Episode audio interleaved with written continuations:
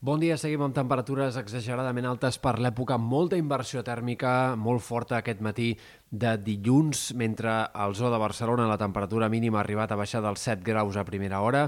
el Tibidabo no s'ha baixat dels 15 i hi ha hagut també inversions tèrmiques molt fortes en altres punts, per exemple, del Bages, del Berguedà o en altres sectors del Pirineu. Tot i així, només un 10% de les estacions de les quals fem seguiment han baixat sota zero i aquest migdia tornem a esperar un migdia molt suau en general, amb l'excepció de Ponent, on la boira pot tornar a ser persistent. A la resta, les màximes s'enfilaran per sobre del que tocaria clarament, amb valors fins i tot a prop dels 25 graus. Ahir es va batre el rècord de temperatura del Tibidabo del mes de febrer, els 23,5 graus als quals es va arribar ahir a l'Observatori Fabra són rècord en el mes de febrer en més de 100 anys de dades. De cara als pròxims dies hem d'esperar que aquest dimarts augmentin els núvols. Serà un dia més tapat, més enterbolit en molts sectors i això frenarà la temperatura diurna. De moment, però, el fred no arribarà de nit ni de bon tros i, de fet, de cara a dies vinents, dimecres i dijous, seguirem encara amb temperatures bastant altes per l'època. Serà a partir del cap de setmana que notarem un ambient més fred, coincidint amb l'inici del Carnaval,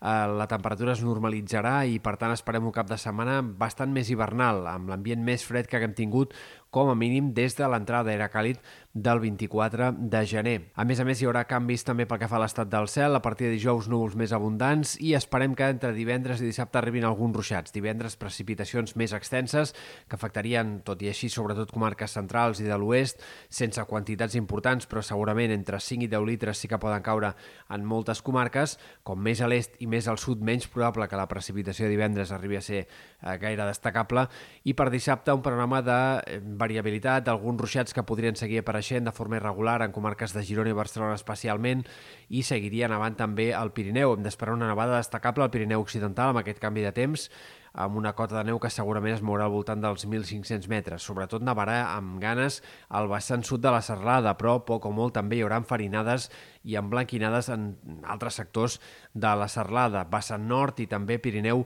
Oriental. Encara és incert, encara és poc clar si realment els ruixats podrien afectar algunes rues de Carnaval de dissabte. Tot això caldrà esperar per precisar-ho, però sí que entrarem en una fase, per tant, de temps una mica més insegur, divendres i dissabte, més variable i amb possibilitat d'alguns ruixats que no ens salvaran de res en aquesta sequera greu, però que sobretot al Pirineu Occidental sí que podrien acumular algunes quantitats importants.